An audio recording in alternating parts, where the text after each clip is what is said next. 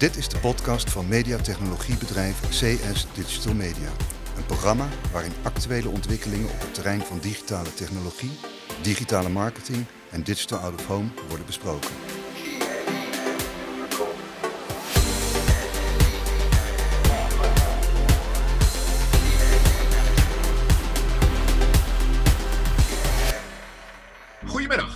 Welkom vandaag weer bij de podcast van CS Digital Media, State of the Market. We hebben vandaag Gun Nieuwenhuis, en ik moet dat goed uitspreken. Gun, Yes, ja, dat is toch echt de beste uitspraak. Gewoon met gun. Geen gun of dat soort zaken. Nee, gun is goed. Ja. Al Gun is vandaag de gast bij ons en is van bureau Media Explain, waar hij ongetwijfeld eh, heel goed zal eh, uitleggen waar Media Explain zich van onderscheidt ten opzichte van de rest. Verder hebben we de gebruikelijke setting hier aan tafel. Ik begin dit keer bij Sebas. Sebas op het veld van Maetboeker. Hi Sebas. Hallo, goedemiddag. Moeten we nog uitleggen wat je doet en wat je bent? Nou, kunnen ze in de vorige podcast. Goed eh, zo. Stan, Stan uh, Ik- Ouderdorp. Ja, ik sluit me daar graag bij aan. Het is wel goed eh, ja, als die extra gepusht worden. Dus eh, Heel goed, heel goed. Stan is van CS Digital Media. Sarin Ja. van Op Hem. Van op hem, ja. Op hem, Eh, niet op haar. oh, nou, nou, eigenlijk ben ik op haar, maar ja, ach wel op hem, ja. Eh, ja, nog steeds verantwoordelijk voor de sales bij CS Digital. Ja. Oké, en ik ben uh, Raadje van Wilsum, uh, groep CEO van CS Digital Media. En ik ben eigenlijk op, uh, in de aftrap erg benieuwd, uh, Gun, hoe ben jij in de business terechtgekomen? Want we hebben in het voorgesprek net al gehoord dat jij hier iemand aan tafel compleet uitspeelt op het aantal mediajaren. Ik hoorde net 28 jaar. En stel... ja, dat klinkt heel erg bejaard, maar dat is het helemaal niet. Uh, ik ben wel een soort one-trick pony, dus ik heb echt niet uh, echt ervaring in uh, heel veel andere branches. Ik ben nooit schilder geweest. Ik heb wel achter de bar gestaan. Ik heb zijles vroeger gegeven, oh, terwijl eigenlijk meer op een katamaran dan. Maar mijn carrière is, is, is eigenlijk totaal alleen maar media of communicatie en reclame geweest. Wel reclamebureau, het toenmalige Lintas. Inmiddels bestaat dat ook al niet meer. Maar uh, daar heb ik gewerkt, maar altijd in de media, Radje. Ja. Je, bent, je bent jong begonnen dan, want uh, je zit niet in de, in de risicogroep op dit moment. nou, ik zit sowieso niet in de risicogroep, want ik kom eigenlijk amper mensen tegen hier. Wat ik al zei, we zitten hier met 1100 meter kantoor en we zitten met, met vier, vijf man. Uh, maar ik, uh, ik, nee, ik, uh, ik, heb, ik heb nog relatief jonge kinderen. de een is acht, de ander is Nee, de ene is 10, moet ik het goed zeggen, en de andere is 13. Uh, nou ja, voor de, rest, uh, voor de rest zie ik niet heel veel mensen en uh, hou ik me redelijk aan de regels. Ja. Dat brengt corona nu met zich mee. welk jaar ben jij begonnen met Media Explain? Dat is het jaar 2000, is dat, Ratjen. dus dat is 20 jaar geleden. Dat, is echt best wel, dat, dat klinkt ook best wel veel. maar vergeet niet, we zijn Explain, mijn compagnon Chris Koenhagen en ik, zijn 20 jaar geleden begonnen. En toen was het uh, waren mediabureaus waren echte inkoopbureaus die puur en alleen bezig waren om de laatst mogelijke uh, of kosten per GEP of een pagina in de Telegraaf te scoren. En was het strategische aspect van is dit het slimste wat we met elkaar kunnen bedenken, ja. dat was op een uh, lager pitje dan wat we nu zien. En als je nu kijkt naar het jaar 2000, toen hadden we in 2001 volgens mij 9-11. ja, ja omgegaan? Want als we het dan toch over crisissen hebben. Ja, ja, ja nou, dat, is, dat, dat, is, dat was een heel raar jaar. Want als je ook in 2000 begon, dat was eigenlijk dus de start van internet. Ja. Dus uh, toen wij in de pers uh, verschenen, want we zaten echt recht tegenover de adformatie. Uh, prachtig op de Koningslaan in Amsterdam-Zuid. en zij kwamen, ze zagen mijn auto, weet ik nog goed. En ze gingen bellen. Gun, ga je een bureau starten? Ja, ik ga een bureau starten. Wat, is jouw, wat, wat foto heb je dan? Sorry, ah, ik reed toen in een hele oude klassieke 911 uh, rond. En uh, daar uh, zagen ze in, en ik wist dat Leon Bouwman, die daar toen werkte, die kende ja. mijn auto. En zodanig dat we eigenlijk na drie, vier dagen hadden we al een, een, een, een, eigenlijk een vliegende start met een mooi, mooi interview met hen. en de, ik weet nog goed dat dat ging in dat interview over, we willen een bureau worden, maar we willen vooral invloed hebben. En uh, grappig genoeg, op het moment dat je nu kijkt naar dat uh, persbericht van 20 jaar geleden, dan waren we op dat vlak buitengewoon voorzienend uh, en, en, en, goed in de toekomst kijkend. En hebben toen al gezegd, het gaat straks over regie bepalen, het gaat straks over wie, wie de slimste strategieën kan bouwen. En daar zijn we eigenlijk omgestart. Ja. En had je toen dan eigenlijk een, een unieke strategie? Ja, Ja, nou ja, wat wel grappig is, je ziet het in de reclamebureauwereld, zie je dat wel. Uh, dan heb je een copywriter en een art director. En uh, mijn compagnon en ik, die zijn uh, heel erg complementair van elkaar. Ik ben meer vanuit het eh, marketing, grote idee. En hij is een van de meest, beste analisten die ik ken. En samen zijn we toen mediaplannen gaan schrijven. En die waren op dat moment beter dan de markt, want we gingen echt alles benadrukken. En dat, dat, ja, dat werd niet door een. de meeste plannen werden toen geschreven door één of twee mensen. En wij gingen dat echt als groep bekijken en hebben veel meer facetten toen belicht. En, en dat werd heel goed verkocht. Welke bureaus waren dat toen in die tijd, Gun? Want je zegt net van wij, wil, wij wilden invloed hebben. Ja. Is dat, is dat ook gelukt dan? Uh, ja, nou, het is natuurlijk, kijk, op het moment dat je start, uh, Rajen, 20 jaar geleden, dan, uh, dan, dan ga je uiteindelijk opdrachtgevers krijgen. Ik weet nog heel goed, dat was bijvoorbeeld Arke, die zat bij, bij Cobalt. En ja, daar zat, daar zat een dame en die kreeg plannen en die kreeg twee, drie dezelfde plannen of lijkend op het jaar daarvoor. En toen zei ze van, joh, ik heb ooit eens een keer uh, dingen van jullie gelezen. Zouden jullie eens naar willen kijken? En wij hebben dat plan toen herschreven. En toen hebben we toen uiteindelijk de hele TUI uh, in twee, drie jaar naar ons toe gehaald. En dat was onze eerste echt grote klant. Dus toen we nog maar met een man of vier, vijf zaten. Begrijp ik het goed, Gun? Discover Your Smile is van jullie? Uh, laat ik zo zeggen, dat is alweer. TUI is tien jaar geleden. Daarvoor heette het natuurlijk Arke en Holland International en al die dingen eromheen. Hè? Dus ja. TUI is nog maar uh, acht jaar geleden. En, en de echte name change van Arke naar, naar TUI is drie of vier jaar geleden. Die hebben we wel gedaan, ja. ja. Wat ik begrijp, hè, en dat, zeg ik van tevoren, ik ben nou geen mediaman en ik luister en dan abstraheer ik en dan roep ik. Wat ik begrijp is dat Media Explained zich vooral wil bewegen en beweegt op het snijvlak van wat ik noem awareness en performance. Ja, ja, ja. ja. Je positie moet je verwerven, maar die moet je ook houden. Ja. Of vanuit die breinpositie moet je gaan versterken en gedrag veranderen. Ja. Zodat mensen vanuit gedrag uiteindelijk gaan doen wat je wil, kopen bij jou. Ja, ja uh, kijk, wij, zeggen, wij noemen dat brandformance. En dat is eigenlijk een, een, mooie combinatie en een perfecte balans, wat we zeggen, eigenlijk tussen branding, hè, dus alles wat met het merk te maken heeft en wat de beïnvloeding is tussen uh, ja, eigenlijk je hart en, en, en je hoofd. En uh, uh, aan de andere kant het, het, performance deel. En dat gaat natuurlijk over het volume en over verkoop en het beïnvloeden van gedrag. En tegenwoordig kunnen we dat eigenlijk helemaal niet meer los van elkaar zien. want salescommunicatie kan niet zonder merkcommunicatie om tot een heel goed resultaat te komen. En het gaat ons in eerste instantie niet alleen maar om die perfecte balans zoeken. Het gaat er eigenlijk veel meer om dat we een filosofie hebben dat die touchpoints die je hebt met communicatie voor het merk zowel bij moeten dragen aan de merk-KPI's hm. als wel de gedrags-KPI's. En dat is heel erg van belang. Maar hoe is dan in die afgelopen twintig jaar voor jou zeg maar, die mediamix veranderd? Hè? Ik bedoel, die natuurlijk twintig jaar toen jij begon met internet, toen was er natuurlijk een klein aandeel in online. Als je nu ja. kijkt hoe uh, de online bestedingen in, in uh, Nederland in dit geval groeien tot boven de 2 miljard. Hè? Helaas heel erg gedreven door de Amerikanen. Ja. Um, maar hoe is die mediamix voor jou in die afgelopen twintig jaar veranderd? Want ik zoek natuurlijk daar, kijk hè, van hoe is out of home? En dus je ja. daarin... Uh...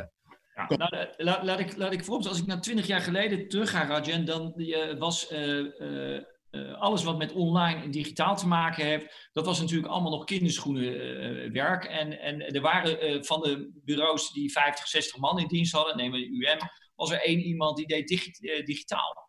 En, en, en, en de andere bureaus hadden die mensen nog niet of waren die mensen aan het opleiden. Dus, dus daar, daar moest een enorme verandering plaats gaan vinden. En het heeft tot best heel erg lang geduurd dat, uh, dat er een online budget was en er was een offline budget. En dat is, nou ja, laat ik zeggen, bij sommige bedrijven werkt dat nog steeds zo. En wij zijn dat eigenlijk nu steeds meer naar één aan het brengen, omdat wij gewoon graag die regie willen zien over het totaal. Want nogmaals, die dingen kun je niet tussen en los van elkaar uh, zien. En die budgetten moeten niet alleen uit elkaar, maar dat eigenlijk betekent ook dat het een beetje anders georganiseerd dient te worden op termijn, ook bij opdrachtgevers zelf. Zorin loop ik op de stellingen vooruit. Als ik nu aan Gun vraag van uh, hoe zie je dat nu gebeuren met de budgetten? Hoe gaan die samensmelten na corona? Of, uh... Nou, Stel hem, stel dan. Nou, ja, Radjan, het is heel simpel. Over vijf jaar bestaan er geen SEC offline media meer. Alles gaat in combinatie met, uh, met digitaal komen. Er is niet een mediumtype die straks niet de link met digitaal gaat maken. Dus ja. die, die, die, die uitspraak durf ik nog wel hard uh, te maken, ook op deze podcast. Ja. Dat, uh, dat dat soort dingen dus onlosmakelijk aan elkaar verbonden zijn. En dat staat wat mij betreft ook helemaal los van corona. Nou, ja, daar staan we dus niet tegenover elkaar en dan zoeken we soms naar in een podcast. Dat is, ik sta, want wij- daar investeren wij heel hard in. Ja. Om multiscreen integratie Ja. van mediatypes eh, mogelijk te maken op het niveau van, je, van jou als Ja. en inkoper. Ja. Want, sorry, kun jij de eerste stelling eens lanceren richting eh, Gun? Eens kijken wel wat hij gaat kiezen. Ik ben heel benieuwd. Jazeker. Eh Gun, Ja, door de coronacrisis komt pijnlijk tot uiting dat de gemiddelde adverteerder mediabureaus voornamelijk gebruiken voor het inkopen van media. Of gaan we voor de stelling, adverteerders realiseren zich door de coronacrisis des te meer dat media-inkoop gepaard moet gaan met de uitvoering van de juiste strategie en consultancy van de bureaus. Ja, eh, dit is natuurlijk uiteindelijk een, eh, een hele makkelijke inkopper voor, voor mij. Eh, dat is natuurlijk eigenlijk die laatste, hè, die laatste stelling, daar ga ik voor. Eh, als je kijkt naar de eerste stelling, hè, door de coronacrisis komt, eh, komt pijnlijk tot uiting dat een gemiddelde advertering mediabureaus gebruiken voor het inkopen van media. Ik denk dat dat vroeger veel meer het geval is dan nu.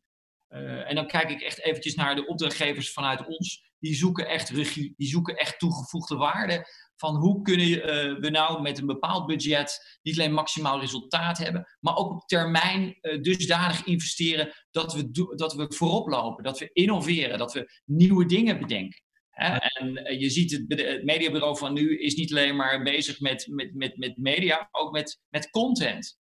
En het bedenken van, van zaken om die zo snel mogelijk af te handelen. Dus dat, dat soort zaken zijn echt op dit moment enorm belangrijk. En dat is vooral vanuit de adverteerder dan. Want zie je ook dezelfde ehm, flexibiliteit van de mediabureaus?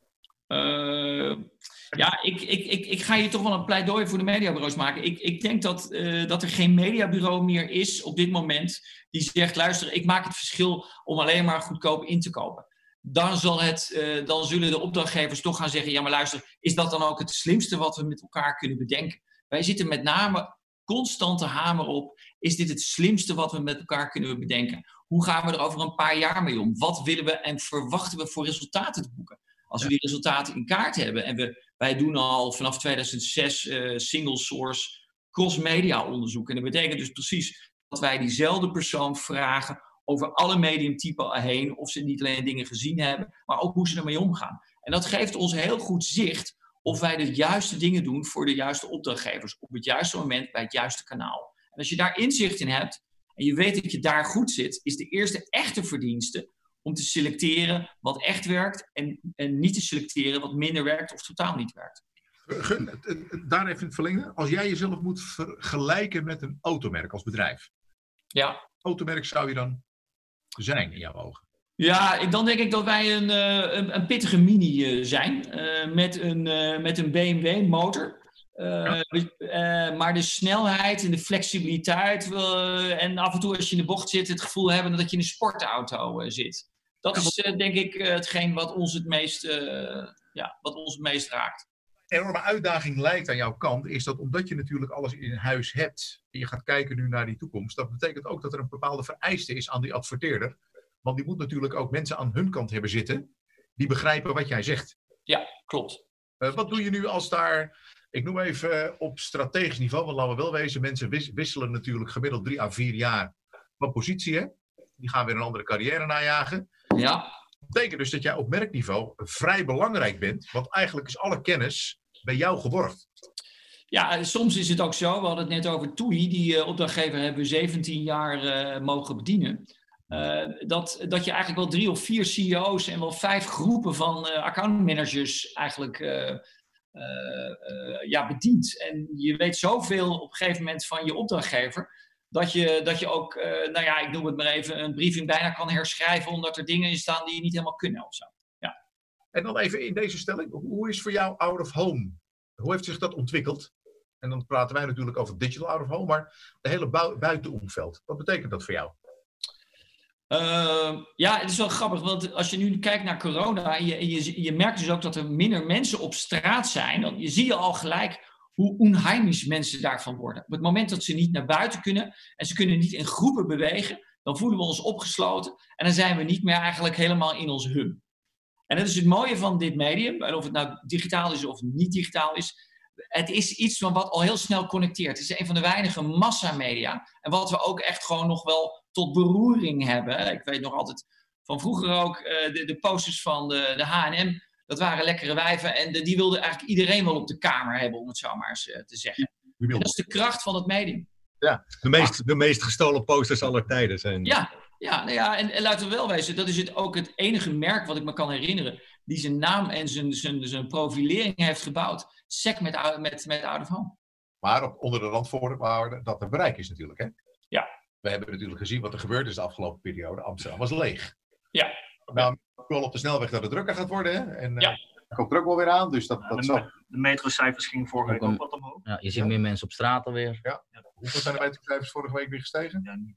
Ja, niet- 2% ongeveer. Ja, super hoog. Ja, ja, ja. Nou ja, luister, het is precies wat het, wat, wat het jullie aangaat. Er moet beweging zijn op straat. Dat brengt de economie weer aan het rollen. En op het moment dat dat gaat gebeuren, is outdoor, en dat zie je in het buitenland ook, is een, is een, is een verrassend groot element binnen de middelenmix. Ik voorspel dan ook dat we de komende jaren dat outdoor een groter deel van de koek gaat, eh, tot zich gaat nemen. Met name ook omdat de link tussen eh, digitaal en outdoor steeds groter wordt. Met jullie niet alleen als voorbeeld, maar je ziet het straks bij alle outdoor-exploitanten natuurlijk. Van, van Ja. welk medium zou dat dan, dan ten koste gaan?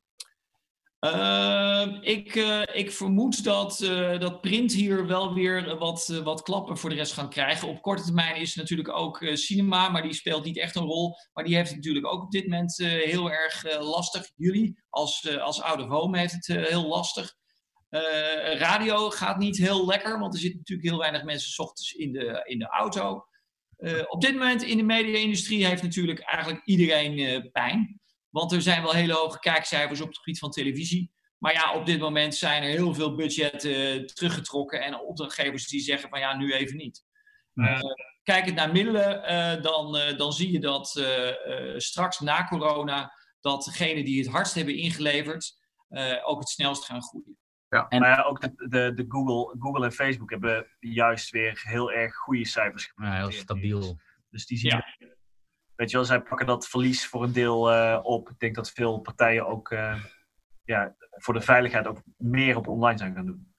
Ja, eh, online heeft sowieso inderdaad een, hè, dat, dat merk je ook. Of we nou met z'n allen hier aan het, aan het eh, facetimen zijn. Of dat we, de, de, de schermen en de apparaten geven ons op dit moment de verbinding. En het is niet meer buiten of de auto die ons tot verbinding brengt. Dus dat zijn de apparaten. En dat zie je direct terug in de bestedingen en in het contentmakerij. Dus ja, dat, dat, dat zien we direct terug. Ja, klopt. Hun, wat heb jij recent online gekocht?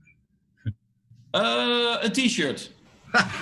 Ja, ja, ja. Oh ja, en ik heb iets met moederdag eh, gekocht. Dat heb ik gisteren, maar dat moet nog aankomen. Maar dat weet mijn vrouw niet, dus die moet dit ding nog even niet beluisteren. Komende zondag. Zondag. Oh, Ja, kijk. voor komende zondag en het komt vrijdag aan. Radje, breek je op een idee of niet? Ja, nogal. Oké, ja, ja, joh. Ja, dan moet je, al, je moet het allemaal kennen, hè, dat soort dingen. Ja, ja. Ja, dankjewel. Ja, zelfs de verjaardag van mevrouw. Ja. Buitje. Punten scoren. Volgende stelling, Sarin. Ja, volgende stelling. Nederlandse adverteerders zijn verplicht tijdens het herstel van de coronacrisis Nederlandse exploitanten voorrang te geven op buitenlandse. Of tijdens het economisch herstel van de coronacrisis blijft ook voor adverteerders welke niet zijn geraakt ROI altijd het belangrijkste. Met andere woorden, het maakt geen moer uit waar je in kan. Als je maar... Als je er zelf maar je- beter van wordt. Ja. Ja, je, kijk, het is, ik, ik, ik ben ondernemer. Hè. Ik, krijg, ik krijg natuurlijk pukkels van het feit dat, eh, dat, als ik, eh, dat ik verplicht moet zijn om eh, het bij Nederlandse partijen te doen. Je moet altijd kijken, eh, is dit het best voor onze opdrachtgever om te doen? En eh, op het moment dat we de keuze hebben dat of de Amerikanen of de, onze Nederlandse grootmachten hetzelfde bij wijze van spreken kunnen doen, dan zou mijn voorkeur zijn om dat bij Nederlandse partijen neer te leggen. Maar in de regel komt dat niet zo heel vaak voor. Dus we moeten daarin gewoon kijken hoe we dat met elkaar gaan, eh, gaan, eh, gaan doen. Dus eigenlijk terug naar jouw stelling. Mijn eh, voorkeur zit altijd in dit geval bij de laatste. Tijdens het economische herstel van de coronacrisis blijft ook de adverteerder welke niet zijn geraakt. Ja, kijken of datgene wat we doen, of dat ook daadwerkelijk werkt. Want nogmaals jongens, Ja. dit is de dobber waar de- onze industrie op drijft. De dingen die we investeren voor onze opdrachtgevers moeten renderen. Die moeten hun markt groter maken. Wij moeten opdrachtgevers succesvol maken. Als we dat kunnen, dan, blijven we, dan, dan zijn we goed bezig. En dat is toch simpel. Ik bedoel, elk bedrijf waar het ook vandaan komt, zal zich constant moeten aanpassen aan datgene wat eh, de vraag eh, is in, eh, in zijn markt. Ik bedoel, op, als we nu zien wat er gaat gebeuren met, met out of home, dan moeten we echt op de verplicht eh, de, de aansluiting nodig met online. Hè? Als we creëren, eh, en we zullen dat als industrie niet doen, dan zullen we daar natuurlijk ook eh, niet de vruchten van plukken. Klopt, klopt. Ja, dus Ik denk, ik denk dus ook dat uiteindelijk op termijn eh, binnen de structuren van honoreringen van alle kanten, dat, dat, dat eh, zowel bureaus als opdrachtgevers misschien wel een groter belang gaan krijgen in de daadwerkelijke uitkomst en verkoop van, eh, van het eventuele product. Ja. En dus ook, en dat betekent ook weer op het moment dat je mede verantwoordelijk gaat zijn, gaan we ook iets vinden van waar het staat, maar ook met name hoe het gecommuniceerd wordt en het moment. Oké. De laatste stelling. Sorry. Ja, je hebt net eigenlijk al een klein beetje hier licht antwoord op gegeven. ehm, eh, door te zeggen dat je vermoedt dat de komende jaren out of home nog steeds zal blijven groeien. Eigenlijk zoals dat ehm, gesta- gegaan is de afgelopen jaren. Maar ik ga hem even voorleggen, even goed hè. Ja, Zodra de overheidsmaatregelen tot het minimum gebracht zijn, grijpen adverteerders massaal het momentum om out of home aanwezig te zijn en wordt het dringen bij de uitgang. ja. Of de risico's van eh, out of home zijn blootgesteld door de coronacrisis en het medium zal nooit terugkeren naar de waarde die het had. Eh, Ja. ja, ik ben het met beide stellingen gewoon eh, niet eens. Maar eh, ik, ik zal je even vertellen waarom ik dat niet vind. En dan ga ik overigens wel kiezen, want dat, dat vragen jullie. Ja, het eerste is, zodra de overheidsmaatregelen tot het minimum gebracht zijn, hè, grijpen adverteerders massaal het moment om of home. Nou, dat zullen ze natuurlijk alleen maar doen op het moment dat er inderdaad dat bereik, die awareness en die mensen op straat zich bewegen. Als dat zo is, dan kan het nog wel eens dringen bij de uitgang zijn. Maar eh, voor zover ik het nu bekijk, eh, ik, ik ben geen medicus, maar vanavond gaan we Rutte weer horen. Eh, Ja. Er komt versoepeling, maar de komende jaar zijn wij hier nog wel redelijk druk mee. En binnen die anderhalve meter maatschappij verwacht ik dat we niet en masse in één keer met z'n allen in de winkel mogen, met z'n allen naar de kapper mogen, met z'n allen, weet je. Dus ze zullen dat beperken. Dan de tweede. De risico's van out-of-hoofd zijn blootgesteld door de coronacrisis. Eh, en het medium zal nooit meer terugkeren. Nou, nu geloof ik nooit in nooit. Ja. Eh, eh, en de risico's die zijn eigenlijk niet zozeer eh, blootgesteld. Kijk, uiteindelijk heeft de, de regering zelf eigenlijk een, een stok door het wiel geduwd. Door te zeggen, iedereen moet nu thuis blijven. Maar dat is altijd van tijdelijke aard. En het is nu aan de overheid om dat wiel weer langzaam, of die stok langzaam uit het wiel te trekken. En dan is het aan de bedrijven om weer te gaan draaien. En om dat in goede banen te leiden. Maar dat gaat natuurlijk altijd geleidelijk. En dan komt het weer op een moment straks dat eh, we een anderhalf jaar verder zijn of een jaar verder zijn. En dan is er een, een vaccin. En dan, eh, en dan zijn we weer eigenlijk ongelooflijk blij dat we weer mogen doen. En dan kunnen we ook heel erg genieten van het feit dat we eh, naar de buren kunnen en met z'n tienen in de tuin kunnen gaan zitten. En En ik denk dat dat gevierd gaat worden. En ik denk ook dat, dat, dat ja, ik ben een opportunist. Ik denk dus ook dat eh, de economie dat gaat vieren. Want de mensen die hebben echt op, die, die hebben natuurlijk de laatste maanden amper geld uit kunnen geven. Want je krijgt eh, bij wijze van spreken wel je geld uitgekeerd, maar je, je, je komt de stad niet in. Want dus hebben de mensen op dit moment eh, waarschijnlijk best een gevulde portemonnee. Ze zullen alleen wat zuiniger zijn en ze zullen de boel aankijken. Op het moment dat er meer vertrouwen is in de industrie, ga je een enorme run krijgen en dan verwacht ik een inhaalslag economisch. Ja. En Ja, al- en- als, je, als jij nu dan ziet dat er nu steeds meer mensen zich eh, op straat ook begeven, ehm, ziet het er allemaal wat opportunistisch uit. Wat is jouw verwachting dat het weer richting het oude niveau zal gaan dan? Ehm, maar even, do- doel je op, eh, op timing, eh Sebastian? Is je- daarin? Ja. Ja, op, ja, op timing. Oké, je doelt dus op, op, op timing waarin je denkt dat eigenlijk Nederland massaal de straat weer opgaat. Nou ja, ik, eh, ik denk dat de zomer, en dan heb ik het echt over juli en augustus, eh, de beste kansen maken. Niet alleen omdat het dan niet alleen lekker weer is, maar omdat we dan drie, vier maanden achter de kiezen hebben.